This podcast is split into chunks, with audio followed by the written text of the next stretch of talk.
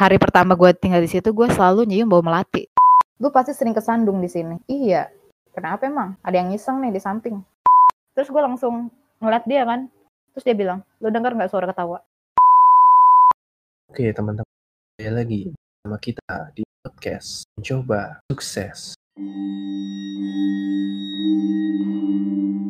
Selamat malam. Oke, jadi malam hari ini kita akan mencoba sebuah episode baru tentang pengalaman-pengalaman kita putar dunia-dunia mistis.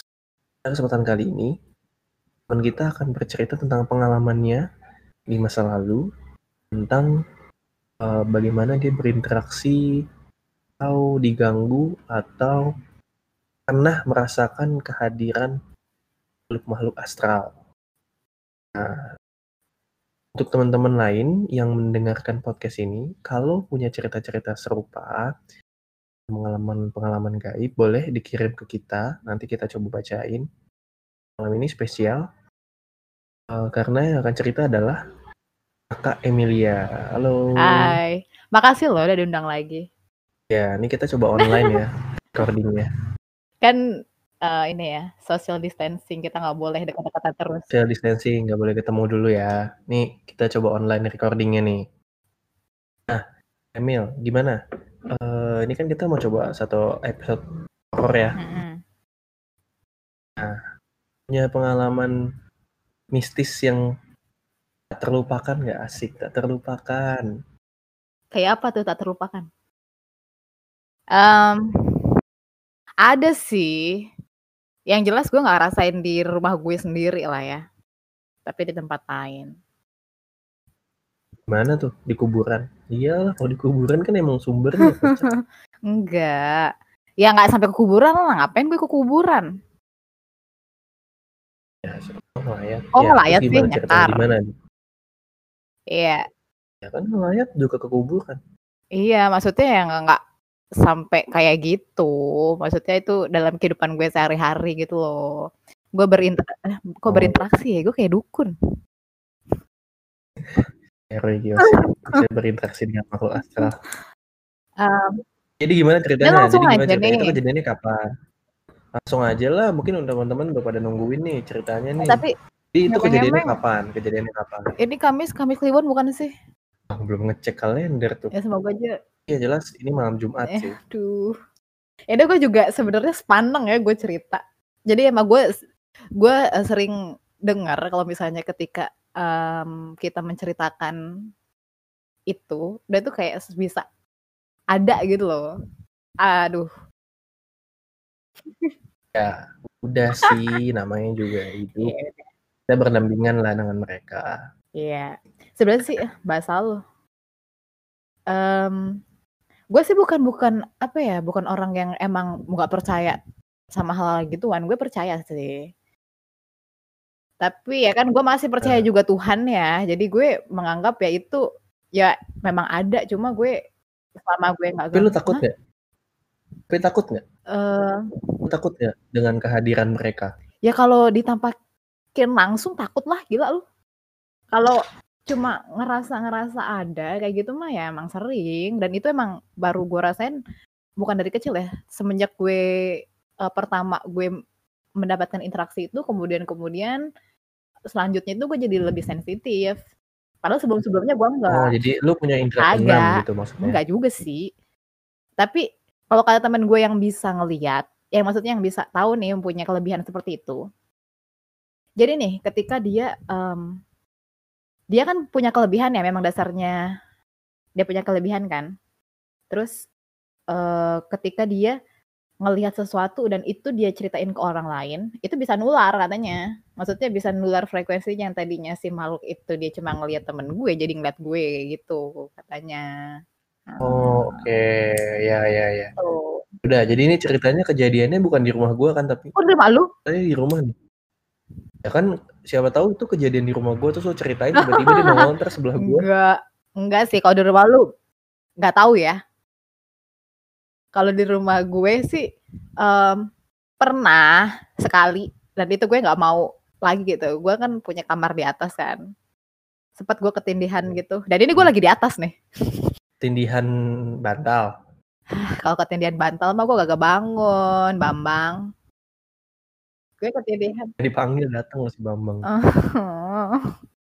Maksudnya gue ketika ketindihan lihat tahu ketindihan yang kita nggak bisa ngapa-ngapain itu kan? Nggak bisa gerak. Ya itu kan nah. sebenarnya ada itu ada itu ada ada. ada ini loh ada penelitian ilmiahnya. Iya memang ada seperti itu. Nah. Tapi mau diceritain bukan yang ketindihan kan? Enggak ketika lo ngerasa ketindihan gue kan sering juga ya dari kecil juga pernah ketindihan gitu tapi gue nggak ngerasain apa apa gitu. Maksudnya ngeliatin apa nggak ngeliat apa apa tapi waktu gue pernah ketindihan itu yang sekali di sini itu gue ketindihan terus gue molek itu tuh di pintu kamar gue tuh muncul warna merah coy. Di pintu kamar muncul warna iya, merah? iya sesuatu lah itu. Kayak kayak sinar-sinar gitu atau Enggak, apa? kayak ya orang tapi merah semuanya mungkin gue nggak tahu sih itu apa ilusi gue kali ya kayaknya sih ilusi ya gue mencoba berpikir positif aja nih Oke. Baiklah. Terus terus oke okay, oke. Okay. Terus terus gimana gimana gimana. Ini yang mau diceritain yang ketindihan atau yang mana nih? Yang gue ceritain yang pengalaman gue yang ekstrim aja nih. Iyalah. seru-seru aja. Biar teman-teman yang dengerin juga. Buat lu yang dengerin emang seru coy. Waktu gue yang dengerin. Eh waktu gue yang dengerin. Waktu gue yang ngalamin mah. Gila kali gue ngerasa buset sampai kayak gini banget karena sebelumnya nggak pernah oke jadi gue ceritain ya dari awal nih silakan siap-siap ya siap-siap ya kalian yang dengerin jadi gimana, uh, jadi gimana, jadi gimana?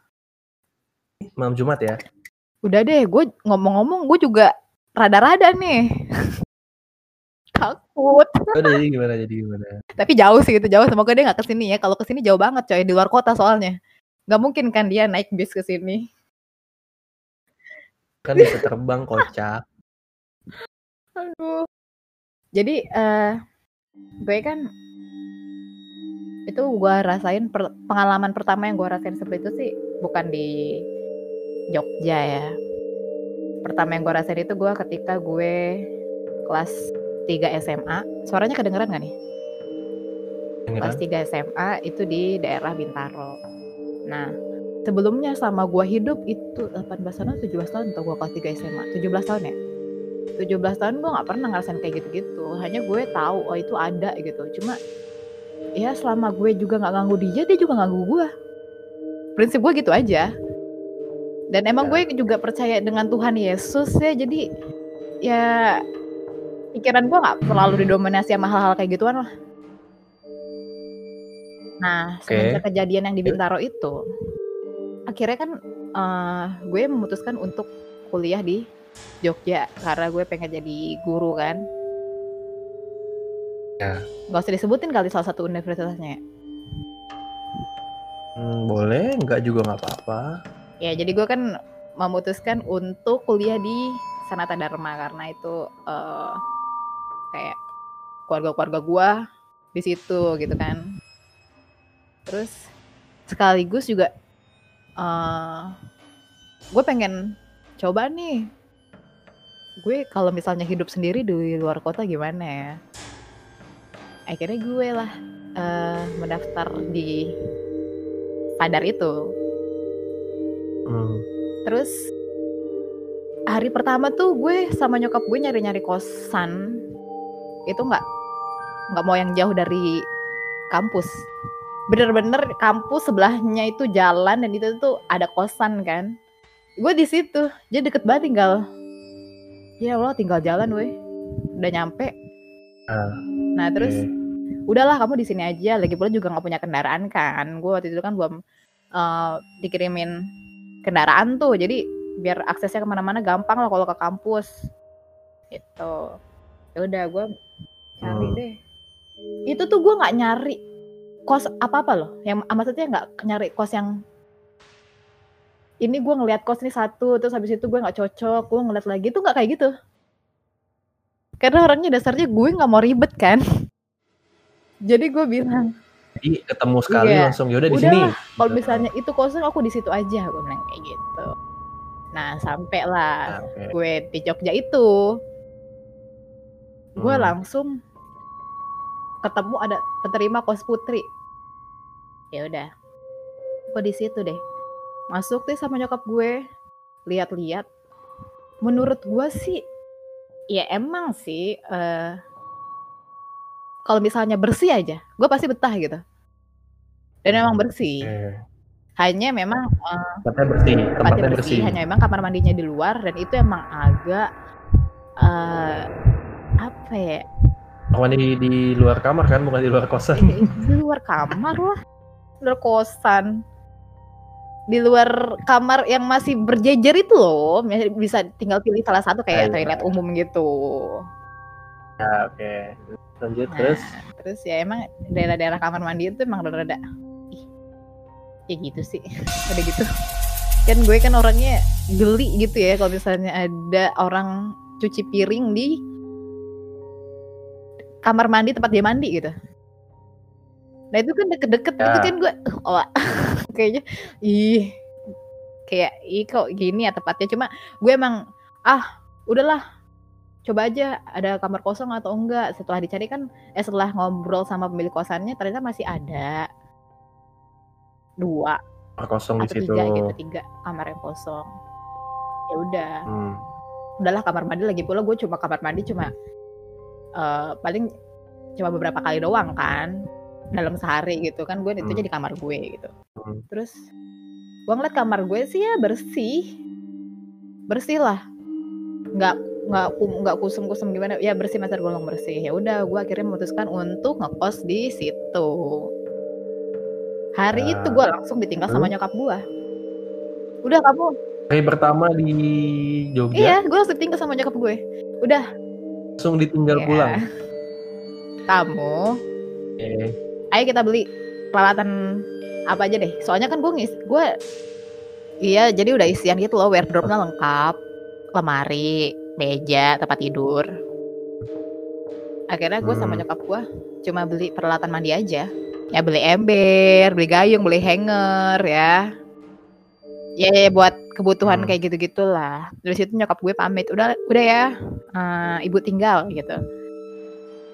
Ya udah. Ah. wah itu gue nggak ngera apa ya ngerasa anjrit gue beneran sendiri di kota orang. Itu gue nangis sepanjang hari lah intinya kayak gitu. Terus em gue nggak punya siap nggak punya siapa-siapa beneran di situ nggak kenal siapa-siapa.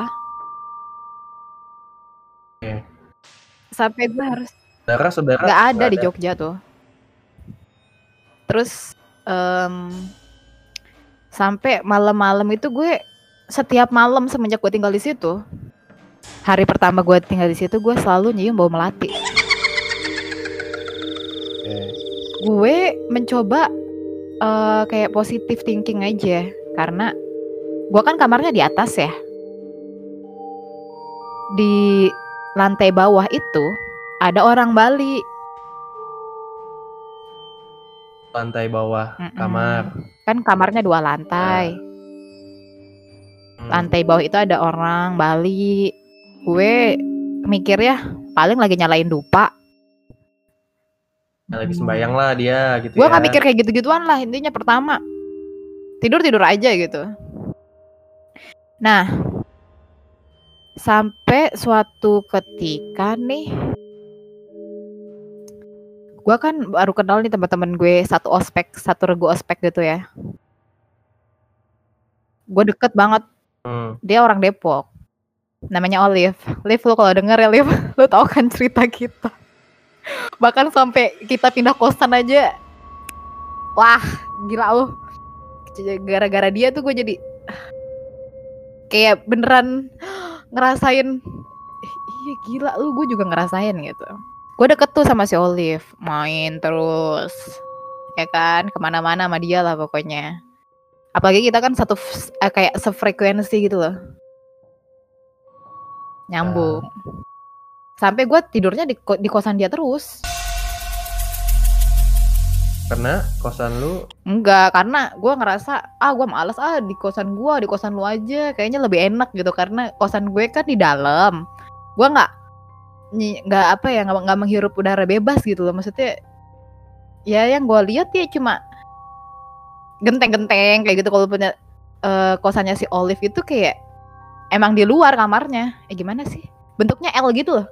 Bangunan bentuk L Kayak gitu, jadinya tuh Hmm, hmm, sirkulasi udaranya tuh enak gitu loh. Ya udah.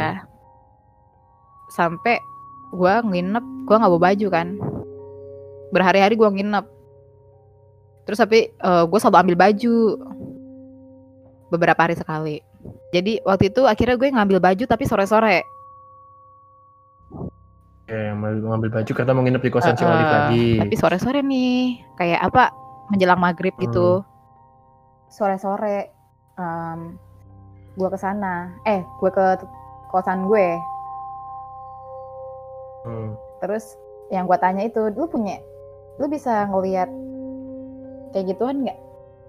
Bisa. Lu anjir. Yaudah ke kosan gue dong. Sebelumnya gue ajak tuh dia selalu nggak mau. Hmm. Ayo lah ke kosan gue Mulai-mulai curiga tuh ya? Heeh, karena gue penasaran walaupun gue emang belum ngerasain apa-apa gitu ya. Gue penasaran Hmm. aja ayolah ke kosan gue. Ah lu ya udahlah gue anterin. Ayo katanya gitu. Ya udah ayolah Hmm. masuk lah. Pertama buka pintu depan. Terus dia langsung bilang anjir kenapa? Penuh banget Temen lu yang bisa ngerasain itu ya, iya Olive penuh banget punya punya punya kelebihan untuk bisa merasakan kehadiran-kehadiran seperti itu. Iya, iya. Terus anjir penuh banget ketemu kayak gitu. Apaan? Gue kira motornya kan penuh karena itu kan waktu buka pintu depan motor semua kan. Apaan? Hmm. Ya udah tinggal lewat sini aja. Bukan bego katanya gitu. I, ini katanya orang-orang itu katanya kayak gitu. Oh. Ya udah gue merasa stay cool aja lah. Terus? Udah udah mulai panik tuh ya. panik anjir. Gue cuma ya udah. Gue naik tangga kan? Tangga gue itu sebelahnya toilet. Nah, terus gue naik tangga. Dia bilang lu pasti sering kesandung di sini. Iya. Kenapa emang? Ada yang ngiseng nih di samping. Waduh gue kira kan emang gue sering kesandung karena licin sendal gue bisa di kamar mandi. Ya kan gue mikirnya kayak gitu ya. Hmm, ya udah. kita habis ngelewatin tangga tuh langsung ketemu dua kamar. Satu kamar ada orangnya tapi nggak pernah keluar satunya lagi kamar kosong. Jadi bisa ngeliat sampai dalam. Terus dia bilang wah ini mah ada nih tuh di kamar itu merah katanya kayak gitu. Terus gue bilang lu diem dah. Lu jangan ngomongin di sini dah gue bilang kayak gitu terus masuklah ke lorong kamar gue satu lorong ada empat kamar. Nah, isinya adalah kamar gue, kamar kakak senior tahun 2008, satunya lagi kamar kosong samping gua. Satunya lagi eh, udah ada orang tapi nggak pernah balik ke kosan itu. Jadi dia nginep di tempat. Hmm. Ini teman gua juga si Karol. Karol. Mau dengerin halo Kak. Iya, jadi dua kamar dua kamar itu berhadapan. Kan ada empat tuh. Ya kan? Ada empat kamar, dua kamar, Ya, dua kamar terus? berhadapan. Gue kamarnya paling pojok. Paling pojok Hmm. kiri. Paling pojok kanan itu adalah kamar kakak tingkat yang tahun 2008. Sampailah ke lorong gue, itu kan emang udah Hmm. dinyalain ya lorongnya. Udah dinyalain lampunya karena gelap mau maghrib. Terus gue masuk ke kamar gue, gue buka. Terus sambil gue tanya-tanya ke dia, di mana Liv? Liv, ada nggak? Hmm, ada nih, tapi muter-muter. Pas dia ngomong, Duh, apa tuh muter-muter? maksudnya muter-muter tuh bukannya dia muter-muter ya, ntar puyeng. maksudnya dianya tuh muter-muter kamar, nggak settle di tempat gue, di kamar gue. Oh, Ya. pindah-pindah Hmm, maksudnya. Dia memangnya muter- muter-muter, gue inget banget itu. Ada Hmm. nih mah muter-muter tapi lu tahu nggak? Setelah dia ngomong gitu, gue nyaksiin sendiri men. Lorong di kamar gua itu mati. Lampunya. Terus gue langsung ngeliat dia kan terus dia bilang lo denger nggak suara ketawa kagak lift udah lift gue bilang gitu ntar aja gue bilang. "A- asli sih gue merinding lagi nih mah. Tiba-tiba. Tiba-tiba kakak senior gue yang 2008 dateng. Terus Oke. langsung bilang lah apaan sih? Kok mati? Orang udah dinyalain dari tadi. Terus gue langsung bilang kan enggak mbak emang barusan matinya. Gue bilang kayak gitu. Karena gue itu gue takutnya dia mikirnya gue yang matiin lagi ternyata mati sendiri coy. Hmm. akhirnya oh alah ya udah dicoba-coba dicoba. Akhirnya nyala lagi. Terus waduh. Gua bi terus akhirnya dari situlah si Olive bilang Mel kalau gue cerita tentang dia ke lu dia yang tadinya cuma merhatiin gue doang dia akhirnya ikut merhatiin lu. Katanya dia kayak gitu Oh, oke. nah dari situlah gue tahu kalau ternyata emang emang kayak gitu. Nah ya udahlah. Sampai suatu ketika hmm, apa namanya? Sampai suatu ketiga temen gue si Carol itu pulang nih. Dia lagi di kosan. Lagi di kosan kan? Lo kan belum terlalu Mhm. akrab tadinya sama dia. Terus habis itu di kosan gue udah jalan berapa lama lah tiga bulan lah. Kalau nggak salah ya. Tiga bulanan. Gue juga lupa lupa ingat. Tiga bulan itu gue selalu nyium bau melati setiap malam. Iya malam mau nyium bau melati. melati. Cuma kalau siang-siang itu kagak Malam. ada. Oke. terus habis itu em gue kan kok orang-orang pada kagak ini ya nyaum nyium bau nyaum kan jadinya. Nyium bau melatinya pada nggak notice atau gimana sih kan? Gue bingung ya. Akhirnya gue makan lah bareng sama si Carol di Hmm. kamar gue. Inget banget tuh. Hmm. iseng lah gue tanya Kar. Gue tanya ya lu semenjak tinggal di sini nih lu tiap malam nyium bau melati nggak? Kagak pernah lu bayangin aja. Gak mungkin kalau misalnya dupa dari teman gue yang Bali itu ya. Dia kagak nyium masa gue nyium? Nah, kan. terus kagak. Terus kagak kagak sama sekali kata dia gitu.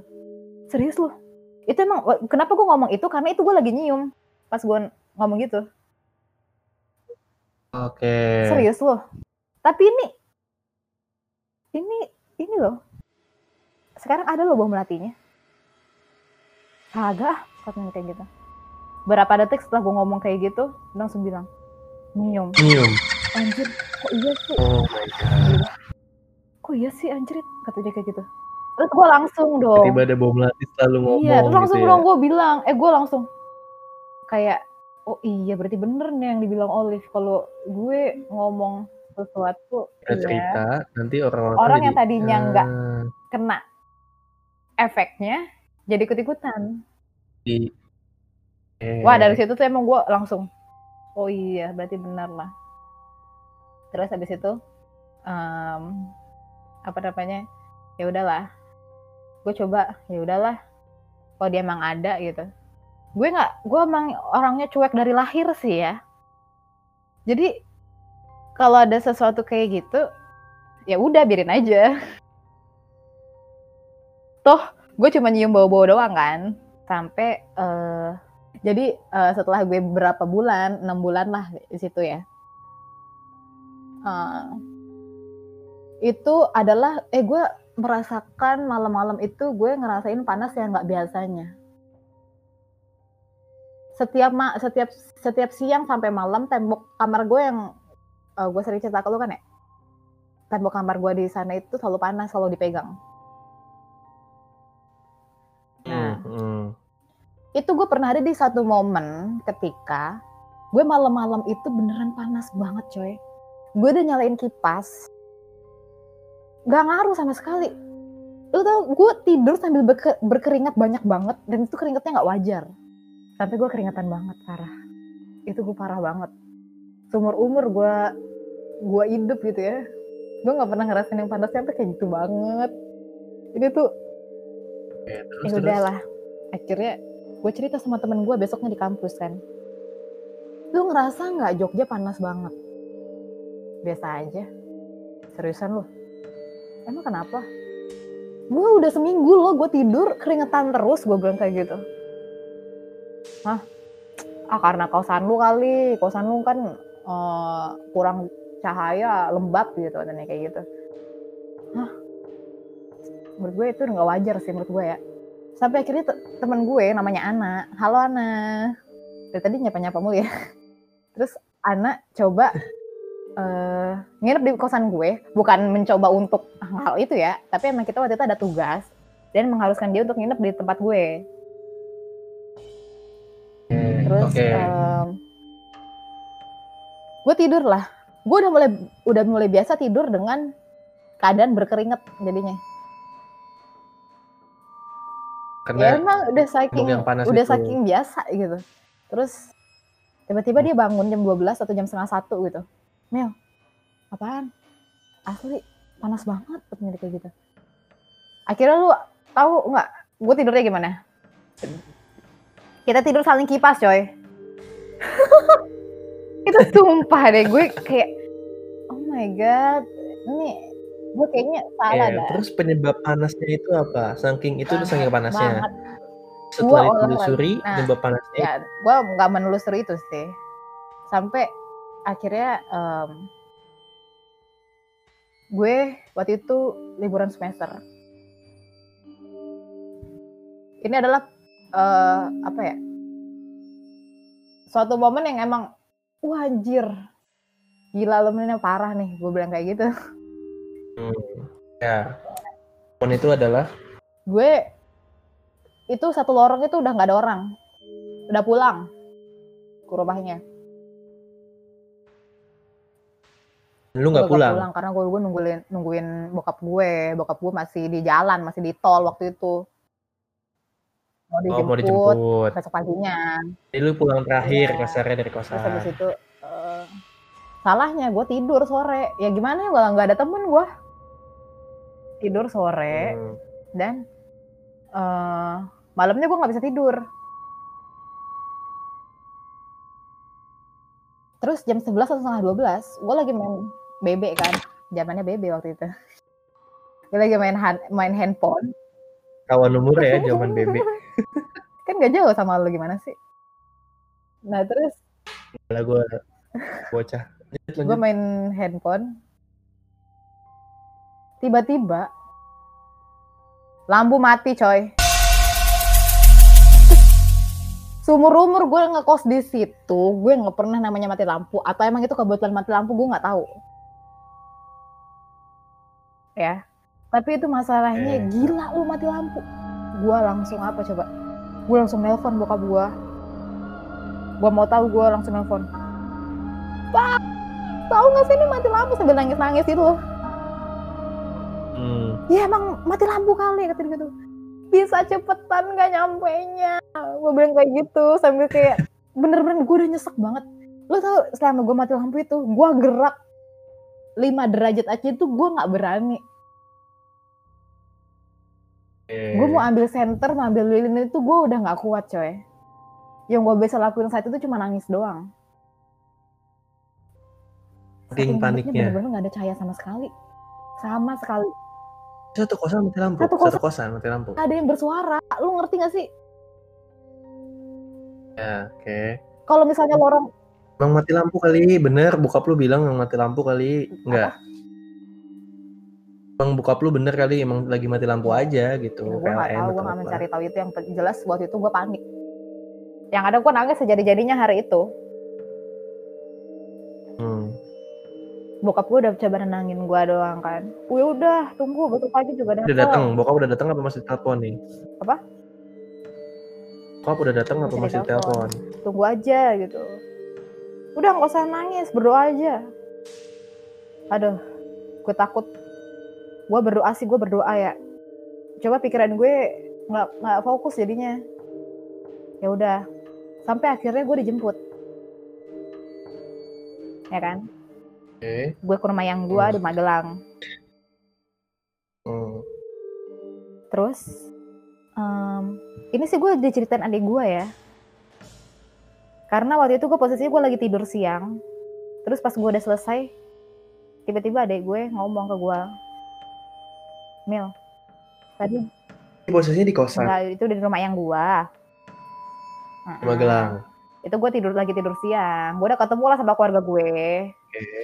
Terus Hmm. eh, apa namanya? Dia bilang, Mil lu tahu nggak kenapa? Barusan ibu datengin temennya dia yang bisa ngeliat. Ngapain? Hmm.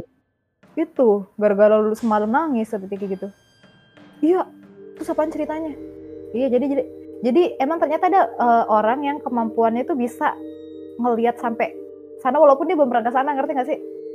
Hanya diceritain letaknya aja. Hmm. Jadi ceritanya gini. Ya, "Ah, ya. Mbak, tolong deh liatin ini kamar kos anakku kok kayaknya gimana gitu. Iya, Aneh-aneh. apa ada yang aneh semalam nangis-nangis digangguin katanya gitu. Di mana kosannya katanya kayak gitu. Di mana kosannya? Namanya disebutin lah ya.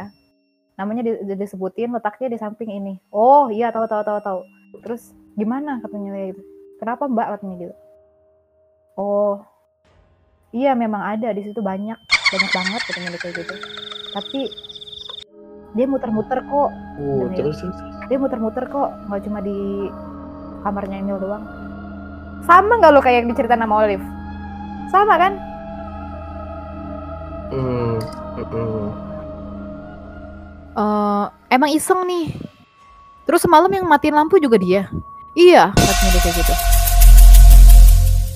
Terus, Uh. Emang iseng banget ini katanya dia kayak gitu dia sering muter-muter perhatian ya. apa Kayak Perhatian iya dia. terus dia sering muter-muter tapi dia lebih sering tidur sama si Emil Wanjir. Lu Tuh udah tanya belum itu jenis kelaminnya cowok apa cewek tuh? cewek masalahnya coy. Serem lagi dong. iya. Anjrit lah, gue bilang. Anjrit. Eh, pernah nggak ngerasain nyesek waktu tidur? Coba ntar tanyain gitu. Dan itu gue dari, dari situ gue langsung flashback. Wah, emang gue sering banget nyesek. Gue kira gue punya asma. Tapi tuh nyesek gue tuh beda gitu. Bukan nyesek dari saluran pernapasan. Kayak nyesek kayak ditiban gimana sih? Kayak Ya, gitu. ya, ya. Wah iya nih iseng banget nih katanya dia kayak gitu. Eh, coba deh jangan di situ lagi. Pindah. Semenjak itu cuy. Gue gak berani lagi gue tidur di kamar gue. Kalau adek gue, Gue kira lu, lu tetap tinggal di kosan situ Gua- atau lu gue tinggal di situ tapi gue tidur sama si Carol sampai gue ketemu kosan baru. Dan kosannya itu gue jadi satu kos sama si Olive. Oh, oke. Jadi- oke. Jadi lu pindah kosan lah at the Eh, end lu iya, pindah at the end kosan. gue pindah kosan sampai gue lulus, gue di situ.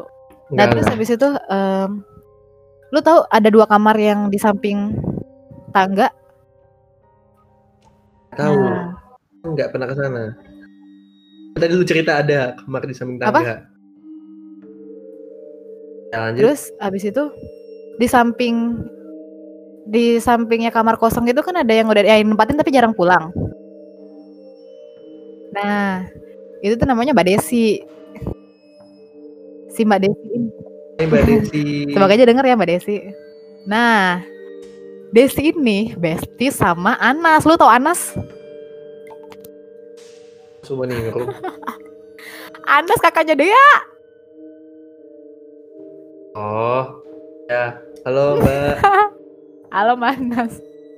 Nah, eh gue mulai bisa cerita-cerita lagi ketika gue dipindah di kosan itu sih dari kosan itu kan.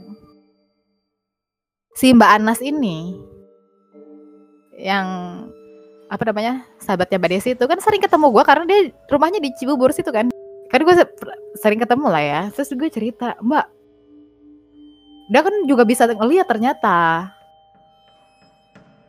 Hmm. Terus, Mbak, lu waktu waktu di kamarnya Mbak Desi, lu nggak pernah ngerasain sesuatu apa? Itu kan kosan angker banget ya, gue bilang gitu. Gue aja pindah makannya, gue bilang.